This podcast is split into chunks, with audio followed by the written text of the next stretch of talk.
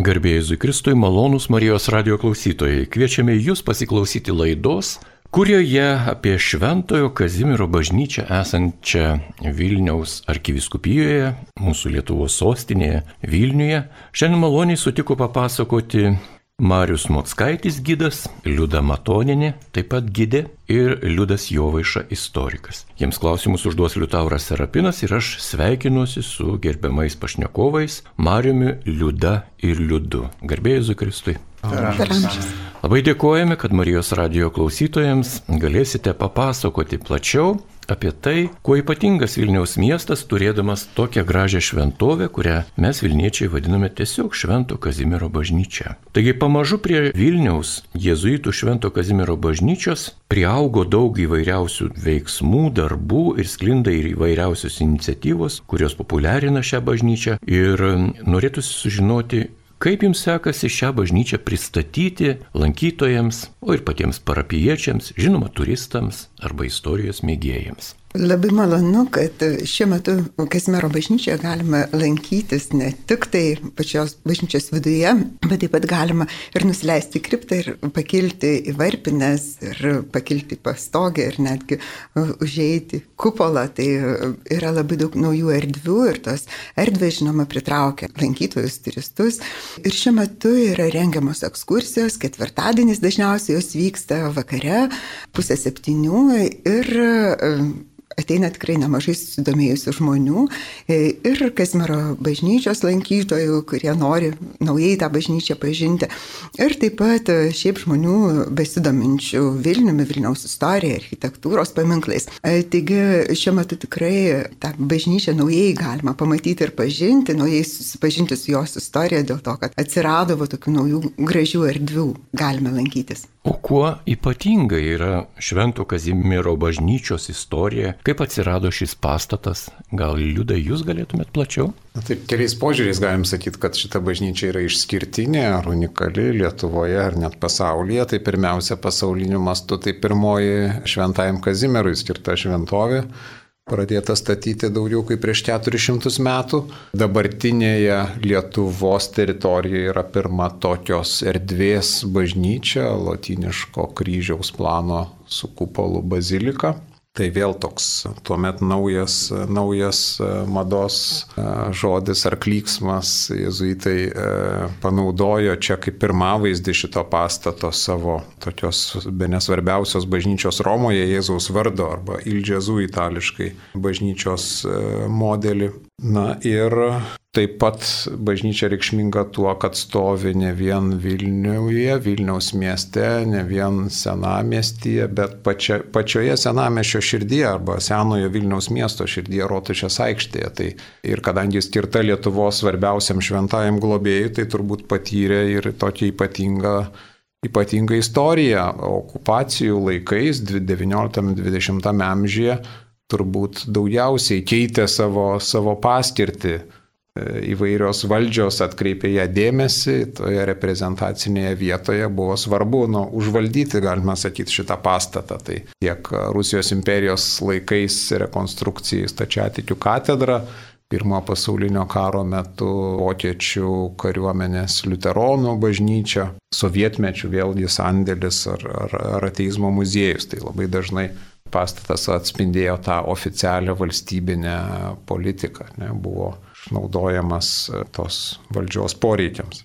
Žinoma, daugelis Vilniečių pamena šią bažnyčią sovietiniais laikais ir okupacijos metu ši Švento Kazimiero bažnyčia buvo muziejumi ir ateizmų muziejumi. Gal poro žodelių apie tai galėtumėte jūs papasakoti, kaip taip galėjo atsitikti, kad bažnyčioje, kulto pastatei, yra įkurtas ateizmo muziejus. Na tai turbūt buvo gan įprasta tam tikrų metų so, so, Sovietų sąjungoje ir net kitose Sovietų bloko šalise tokių, tokių pavyzdžių. Turim ne vieną, tai šią prasme čia nėra, nėra unikalus pasaulinių mastų atvejais, Lietuvoje vienintelis, bet ir kitose sovietinėse valstybėse arba respublikose.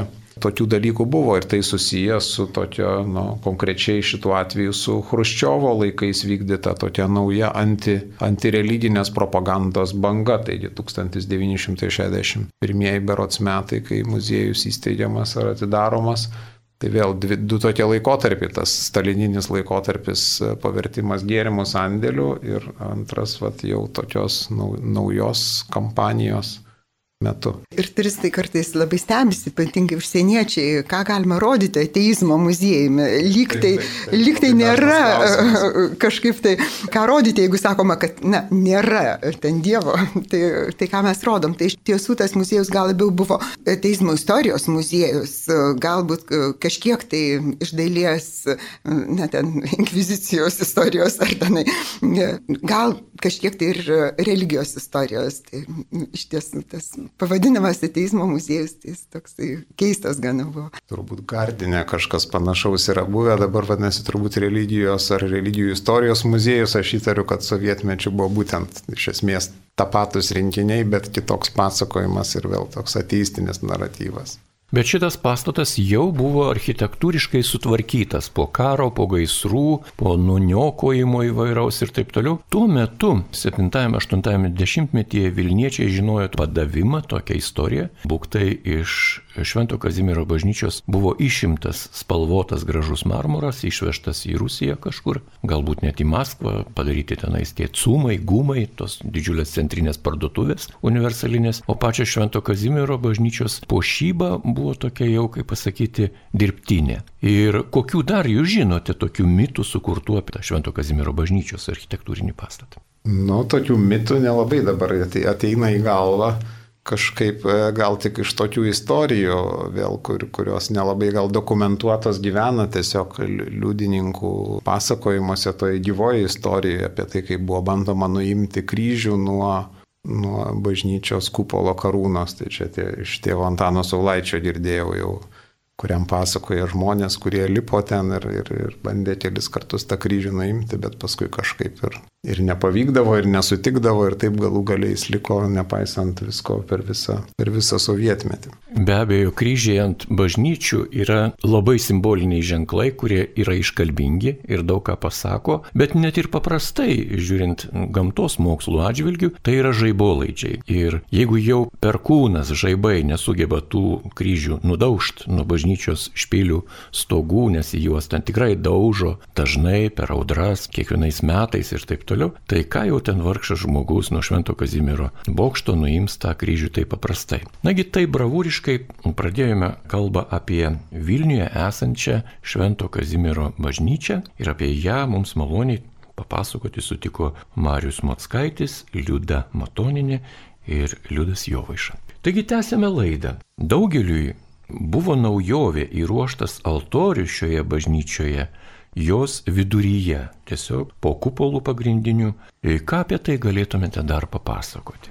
Nu, kiek pamenu, buvo tom, tuometinio uh, Lietuvos jėzuitų provincijolo Jono Bortos rūpestis iniciatyva, bažnyčia atgavus, atšventinus ir tvarkant, tai iš pradžių tas toks laikinas altorius, medinis, vėliau pastatytas jau akmeninis altorius, bet vėl toje pačioje pačioje vietoje. Tai nu, vienas iš tų pirmų, pirmesnių gal atvejų ir, ir, ir labai akivaizdžių tų altorių atitraukimo nuo, nuo altorių retabulų, mensų atitraukimo ir, ir tos liturginės kunigos stovėsenos pasikeitimo ir labai dideliu atstumu, gal čia šią prasme taip labai jau krito į akis nuo, nuo senojo altoriaus.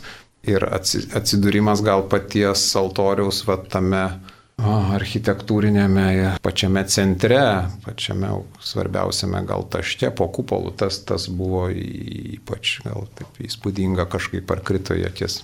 Tai ir įdomu, kad su šito pagrindinio altoriaus atsiradimu yra susijusi Kazimiero bažnyčios kriptos atradimo istorija, kad ieškant, kur būtų galima nu, mišių metu išlėti tą šventąjį vandenį atlikusi. Buvo ieškoma, kur tai padaryti ir pragrėžus atradus skylę buvo, buvo rasta kripta. Kaip įprasta 17 amžiuje po didžiojo bažnyčios altorium būdavo įrengta kripta, taip ir šioje bažnyčioje buvo įrengta kripta, kurioje buvo laidojami jezuitai ir jų geradariai ir vat, būtent su bažnyčios gražinimu tikintiesiam 91 metais ir su to didžiojo altoriaus pagrindinio atsiradimu ir ir buvo atrasta šita kripta, kur buvo daug rasta senų altorių detalių, skulptūrų fragmentų ir, kitų dalykų. Tai sovietmečių ilgus metus buvo nežinoma apie šitą kriptą ir proskylę lubose patekus į kriptą žmonės, nu, statybininkai pamatė Marijos veidą ir, ir buvo taip pat rastos unikalios 17 amžiaus freskos, taip pat keliolikos nenusatytų žmonių palaikai, Ir, ir vat, paaiškėjo, kad tai yra senasis įėjimas, kaip sakyt, pagrindinis įėjimas iš, iš presbiterijos, o ne, ne pro tą skylę. Tai irgi dabar vat, tie laiko iš, išklaipyti seni mūriniai laiptai yra dabar padengti, nu, kaip sakyt, medžių, galima nusileisti ir, ir pažiūrėti. Taigi ir tas e, įėjimas atidengtas ir Tai tai pačios freskos yra brangus ir reti 17 amžiaus dailės paminklai, kurių tapybos maniera skiriasi nuo kitų to metų pavyzdžių ir vat, būtent šitos e, Kazimiero bažnyčios kriptos freskos e, atrodo gana paprastos, jos tokios kaip ir neišbaigtos, kai kur yra išlikę tik tai eskizai, bet jungia bendra tema tai yra mirtis ir, ir prisikėlimo prisikėlimo viltis. Ir virš, kaip tai pačiose freskose yra lotyniški Biblijos tekstai, maldų ir, ir giesmių tekstai, kurie, kurie kalba apie amžinybę, apie prisikėlimą ir Tai ir saugomi yra taip pat Jėzuito švento Andrėjos Babolios relikvija, tai yra alkūnkaulis ir įdomu, kad šventasis Babolas kažkaip Lietuvoje, nežinau, liūdus tiks, kad, sakyčiau, pakankamai mažai žinomas, labiau gardinas, garbinamas Lenkijoje yra net Lenkijos paskelbtas globėjo. Tai yra vienas iš keleto šventųjų jėzuitų, kurie davė savo gyvybę neatsižadėdami katalikų tikėjimą ir būtent Maskvos karo metu Andrėjos Babolė žuvo, nors kazokai, kaip sakyti, vertė išsižadėti, bet jis neįsižadėjo savo tikėjimą ir, ir vėliau buvo paskelbtas šventuoju. Žinant Lietuvos istoriją, kaip buvo arkikatedroje bazilikoje rastas lobynas Lietuvos katalikų bažnyčios ir klausantis jūsų pasakojimo apie atrastą kriptą Švento Kazimiero bažnyčioje, susidaro toks įspūdis, kad Lietuvos istorikai sovietmečių nelabai kolaboravo su ateistų valdžia ir ne per uoliausiai ieškojo tų lobių, kuriuos galbūt, na ir numanė esant vienoje ar kitoje vietoje ir tik atgavus nepriklausomybę, va tie lobynai visi pravėrė mums savo duris, pravėrė skliautus ir mes galime daugiau pamatyti, išgirsti ir patirti iš savo krikščioniškos istorijos. Ar ši krypta yra atvira lankytojams, ar joje atėję žmonės, tiek maldininkai, tiek, sakykime, turistai gali pamatyti, ką nors išgirsti apie ją. Taip, šita krypta yra atvira lankytojams ir Galime nusileisti ten ir pamatyti tas jau minėtasias freskas ir e, taip pat paminklą skirtą jezuitams vienuoliams e, ir jų geradariams, kurie buvo palaidoti šitoje kriptoje. Ir taip pat galima pamatyti ir relikviją ir prie jos pasimelsti, prie švento Andrėjus Babolios to relikvijoriaus. Ir tas relikvijorius, jisai, jo viršutinė dalis yra išlikusi iš tarpukario Tačiau, kada jau po antrojo pasaulinio karo buvo tikimasi, kad Švento Kazimiero bažnyčia bus uždaryta, tai tas relikviorius buvo paimtas tiesiog ir būtose laikomas ir jos tai Frankų rankas perdodavo šitą brangę relikviją. Ir jau šiais laikais, kada bažnyčia gražinta tikintiesiems ir jezuitams, tai Andrijaus Bobolios relikvija irgi sugrįžo į šitą bažnyčią, tai būtent toje kriptoje galime ją pamatyti. Kokias dar gali lankytojai bažnyčios šventųjų relikvijas rasti šioje bažnyčioje? Ar yra žinių tokių? Na, daugiau bažnyčia tokių uh, relikvijų lobių neturi, nes iš didelė dalim tai lėmė ir tas sovietmečio laikotarpis, kuomet jos istorija nutrūko ir būtent, kaip Liuda minėjo, ir toj Andrėjaus Bobolės relikvija atkeliavo iš tų pogrindžio, pogrindžio gyvenimo sąlygų Dabar tik prieš turbūt metus ar porą bažnyčios rektoriui buvo perduota nedidelė šventojo Kazimiero relikvija po vieno kunigo mirties ir nu, yra sumanimas galbūt e, jo, jie pagaminti jai relikvijorių ir galbūt irgi išstatyti tokiam gerbimui galbūt vienoje iš šoninių koplyčių. Tai tokie ateities kol kas planai.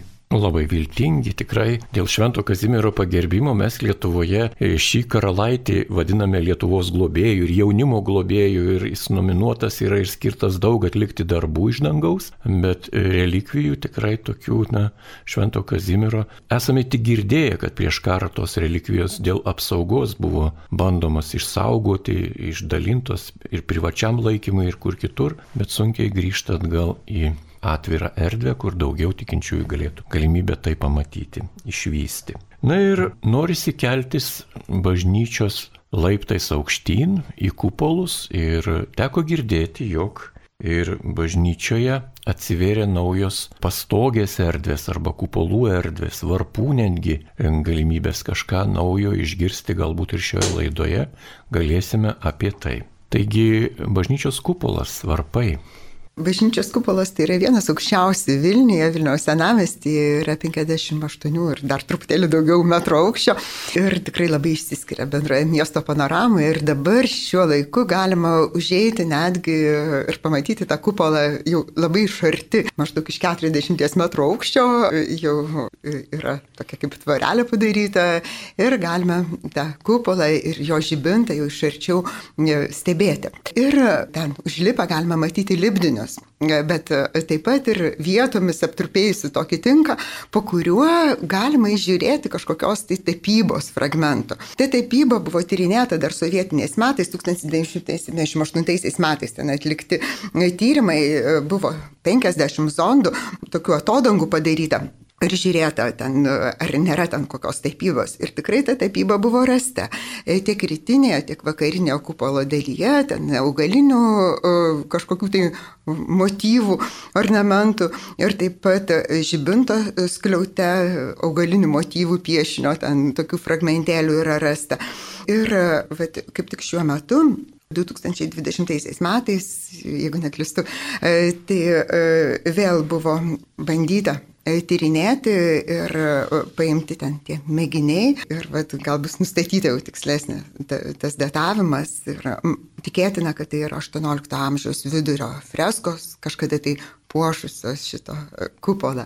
Taigi dabar ten tik tai vieną kitą tokią fragmentėlį galima iš tų freskų gerai įsižiūrėjus pamatyti, bet vat, tą libdybą ir visą tą kupolo didingumą tikrai ten galima pajusti. Jis yra ir 17 metrų skersmens, tai toksai tikrai didelis, didingas ir labai nuo jo gražiai atrodo tas visas bažnyčios vidus. Apie varpus, kai bažnyčia buvo pastatyta 17 amžiaus pradžioje, tai buvo kabojo keturi, keturi varpai, kvietė mišes ir, ir kitas, kitas iškilmes. Ir dabar tų varpų, kaip sakyt, nebėra išlikę, yra dabar kabo e, kairėje varpinėje kabo prieš 25 metus vokiečių jezuito auklėtinių padovanotas, padovanotas varpas.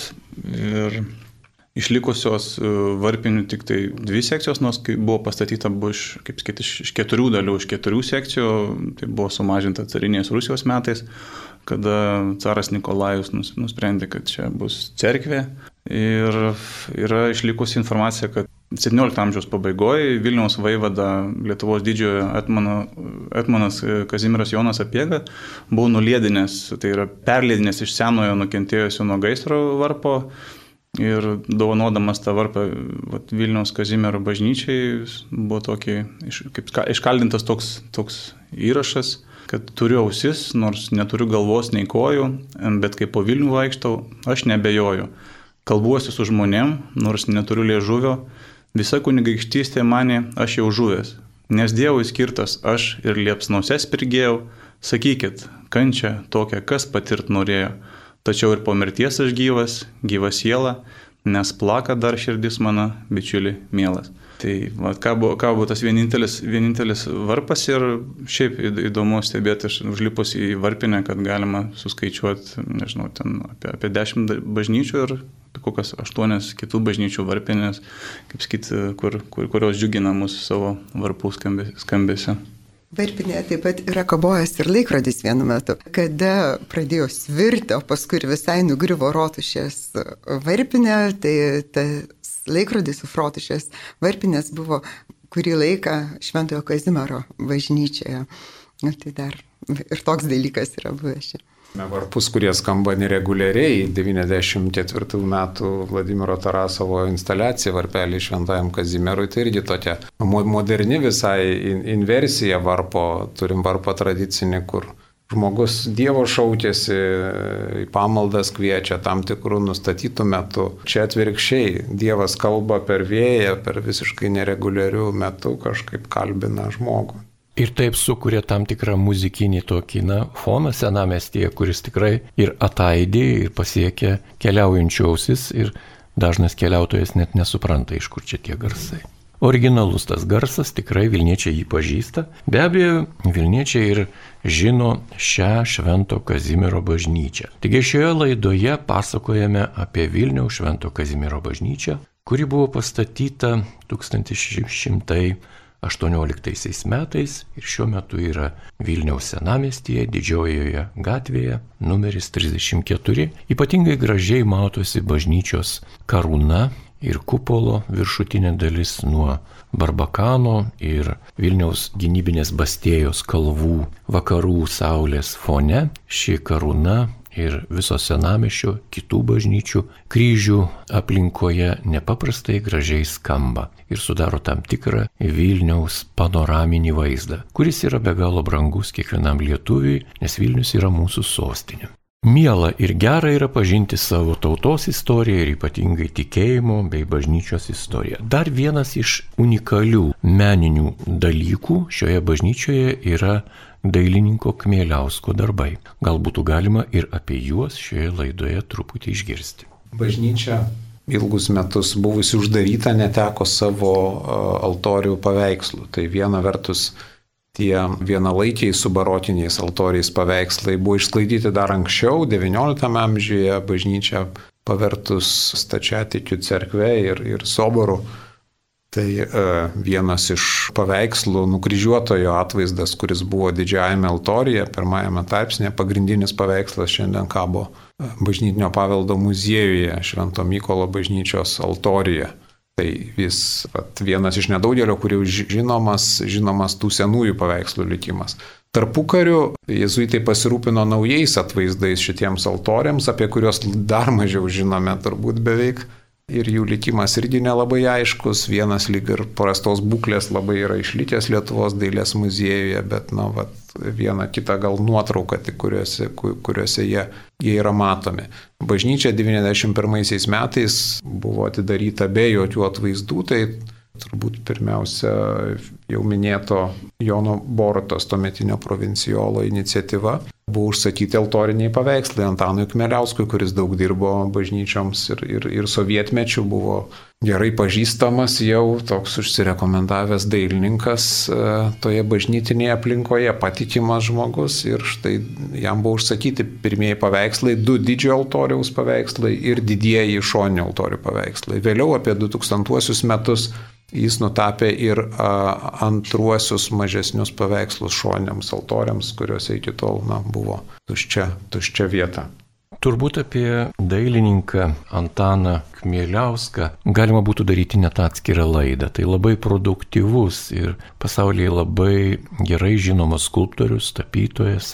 Ir jis be abejo be galo daug yra palikęs vaizduojamojo meno, būtent tose sakraliuose erdvėse, ar tai būtų Kauno arkiviskupija, ar Telšių viskupija, ar Panvežė ir net Vilniaus arkiviskupija. Taip, jis labai gerai žinomas žmogus, dėje miręs, galbūt jo darbai ir jo gyvenimo istorija dar bus atrasta. Šioje laidoje mes tik paminime šį nuostabų žmogų, kurieją apie kurį daug įvairių buvo nuomonių, buvo ir priešiškų labai nuomonių prieš jį pasisakoma. Galbūt tą padarė labiau tokie na, skeptiški žmonės arba pavydo skatinami, bet tai yra turbūt vienas iš pačių įdomiausių Lietuvos istorijoje dirbusių dailininkų savo, na, sakykime, apimtimi ir darbų gausa. Taigi, tęsiant pažinti su šventuoju Kazimieru ir būtent šventojo Kazimiero vardui atminti dedikuotą bažnyčią Vilniuje, Švento Kazimiero bažnyčia, turbūt neįsiversime šioje laidoje be jėzuitų vienuolyno narių. Ir jau jie buvo minėti ir norisi taip ir paklausti, kuo ypatinga ši bažnyčia, kai kalbame apie Lietuvos jėzuitų provinciją. Na, e, jezuitų istorijai buvo svarbi, e, svarbi bažnyčia, nes šiuose namuose paprastai reziduodavo 17-18 amžiuje Lietuvos jezuitų provincijolas, tas taip pat galioja ir 20 amžiaus pabaigai, 21 amžiaus pradžiai, kol egzistavo Lietuvos ir Latvijos jezuitų provincija, taigi tokia administracinės Lietuvos jezuitų centras e, skirtingais laikotarpiais jėzuitų veikla ir jų buvimas šioje bažnyčioje, na, daug tokių labai galbūt tradicinių liturginių to buvimo ženklų nepastebėtume ar kažkokių išskirtinių, didelė dalim dėl to, kad, na, jėzuitiškas dvasingumas ir jėzuitiška silovada labai dažnai nes, neapsiriboja tą bažnyčios erdvę, tokiais įprastais parapiniais patarnavimais, bažnyčios šita nėra parapinė, tai ir nėra to tokio irgi dažno sakramentų konvejerio, kaip, kaip, kaip kur būna. Daugiau e, galim čia matyti galbūt tos, sakyčiau, kaip išskirtinumą, galbūt atvirumą, atvirumą pasauliui, visuomeniai, kultūrai, kurio ženklas yra ir šios, šios ekskursijos ir apskritai štai tos erdvės, kurių, e, kurių atverimas, remontas, pritaikymas lankymui buvo irgi na, vienas irgi iš, iš jezuitų, jezuitų sumanimų. Taigi kalbėti su pasauliu, įsileisti, įsileisti žmonės plačiai, kiek įmanoma plačiai, atskleidžiant, dalinantis tuo, kas, kas jėzuitų yra sukurta ir kas lankytojai gali kalbėti ir, ir, ir apie Dievą, kalbėti per, per tą grožio kalbą, per istoriją, per žmonės, per, per šventuosius. Nu, ypatinga čia dar to, ta kultūrinė tokia e, misija yra, sakyčiau, muzikinė šioje bažnyčioje nuo 91 metų reguliariai vykstantis e, vieši koncertai, religinės muzikos centras čia veikiantis, e, bažnyčios tokia irgi renginių siela, vargoninkė Renata Marcinkutė Lesier. Tai vėl toje, tame gyvenime, kuriame labai viskas daug dinamiškai keičiasi, nauji projektai, bet efektingi, bet labai dažnai trumpalaikiai, tai irgi yra tokia, tokia išimtis pastovumo toksai ženklas trunkantis 30 mečius. Žinoma, reikia turbūt paminėti, jog prie šios bažnyčios glaudžiasi ir jėzuitų vienuolynas, taip pat ir moterų vienuolynas, taip pat ir jėzuitų gimnazija, kurie yra ypatingai svarbi Lietuvos švietimo sistemoje, nes turi didžiulius ūkdymo ir mokymo, būtent ir krikščioniško mokymo pasiekimus, kurie yra matomi jaučiami dabartyje.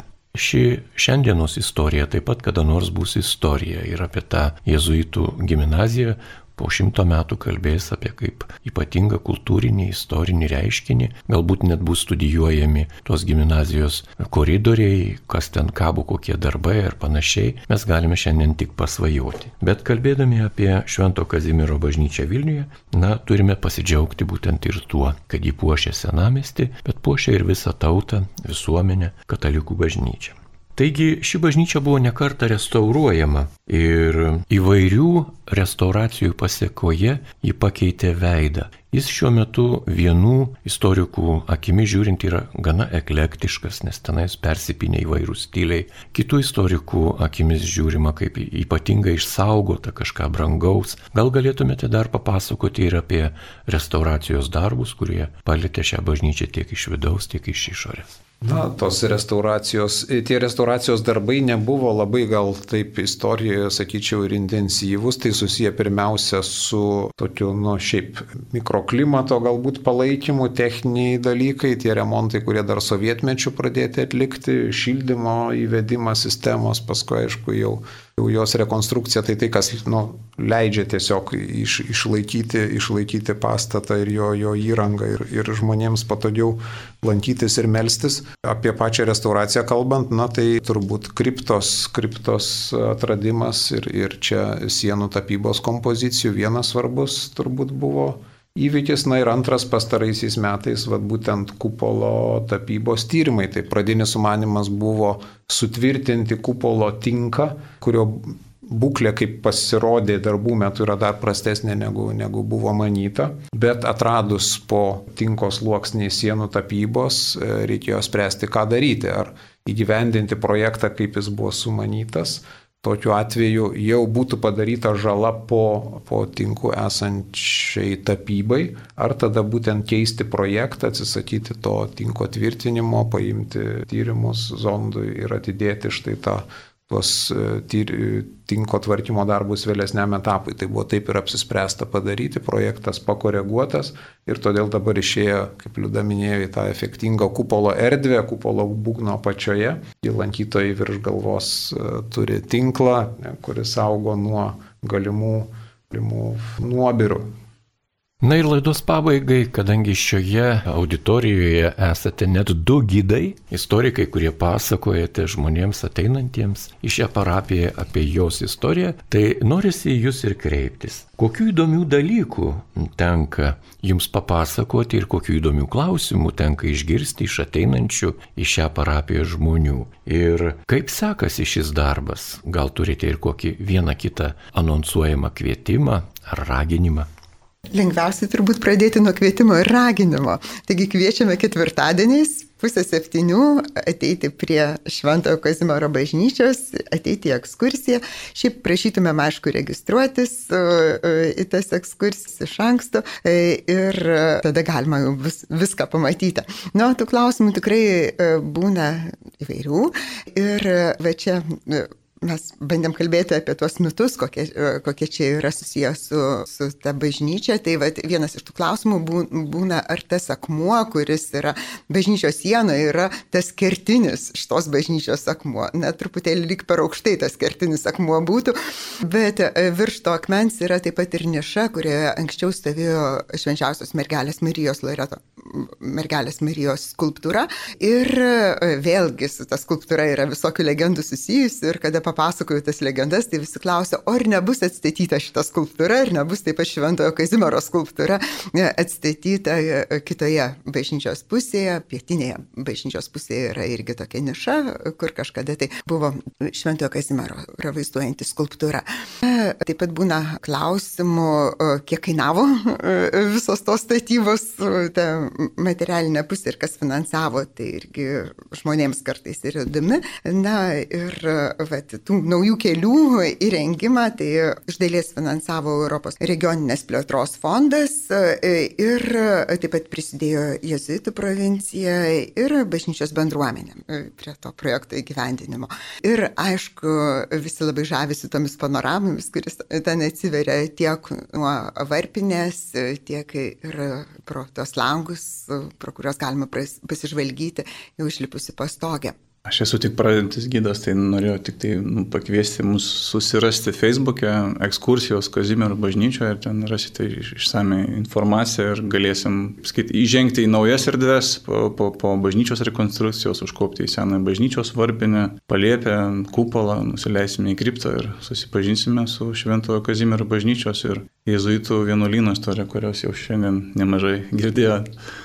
Labai dėkoju. Mūsų laida ir priartėjo prie pabaigos, taigi mėlyms radio klausytojams noriu priminti, jog šioje laidoje jūs girdėjote pasakojimą apie Švento Kazimiero bažnyčią Vilniuje, kuri yra tikrai ir architektūros paminklas, bet taip pat ir liturginis religinis pastatas, kuris ir šiuo metu yra naudojamas, yra bendruomenė, yra ir broliai jezuitai, yra ir parapija tokia, nors ir ne parapijinė. Ir apie šią bažnyčią maloniai mums šiandien pasakojo Marius Motskaitis, Liuda Matoninė ir istorikas Liudas Jovaiša. Na, o laidos pabaigai aš norėčiau priminti, jog Švento Kazimiero bažnyčia yra visada atvira ir joje galima netgi ir dalyvauti šventųjų mišių aukoje. Liepos rūpiučio mėnesiais, sekmadieniai šventos mišios 9 val. yra rusų kalba, 10 val. 30 min.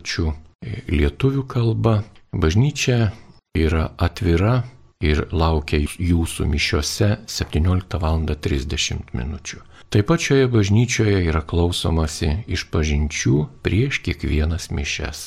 Ir bažnyčia visada yra atidaryta net ir šiokiadieniais nuo 11 val. Iki 18.30, o jei jūs užsirašysite į ekskursiją, tai dar ir vėliau išliksite, galėsite pabūti šioje bažnyčioje, o sekmadieniais bažnyčios duris atviros nuo 8 val. ryte iki 19 val. vakare. Kuo aktuali ši bažnyčia šią vasarą atostogų metu, tai norisi priminti, jog Čia ir melžiamasi, čia ir mišios, taip pat galima užsirašyti ir įvairiems sakramentams gauti. Ir taip pat reikia prisiminti, jog Jėzaus draugijos paukojimas švenčiausiai Jėzaus širdžiai yra ypatingas įvykis. Ir per švenčiausiojo Jėzaus širdies šventę Jėzaus draugijos generalinis vyresnysis tėvas Artūro Sosa paskelbė, kad šių metų Liepos 31 dieną baigiantis jubiliejiniams šventojo Ignaco metams, čia vyko tam tikri ir dvasiniai veiksmai, kurie, žinoma, neapsiribojo vien pasiaukojimo akto meldimu, supratimu arba paviešinimu. Taigi apie šią bažnyčią jūs žinoma rasite daug informacijos taip pat ir internete, o tie, kurie galite, visi maloniai esate kviečiami apsilankyti, pabūti, susipažinti ir pasimelsti. Šią laidą vedė Liutauras Serapinas, likdamas su jumis ir toliau ir kviesdamas jūs taip pat likti su Marijos radiju.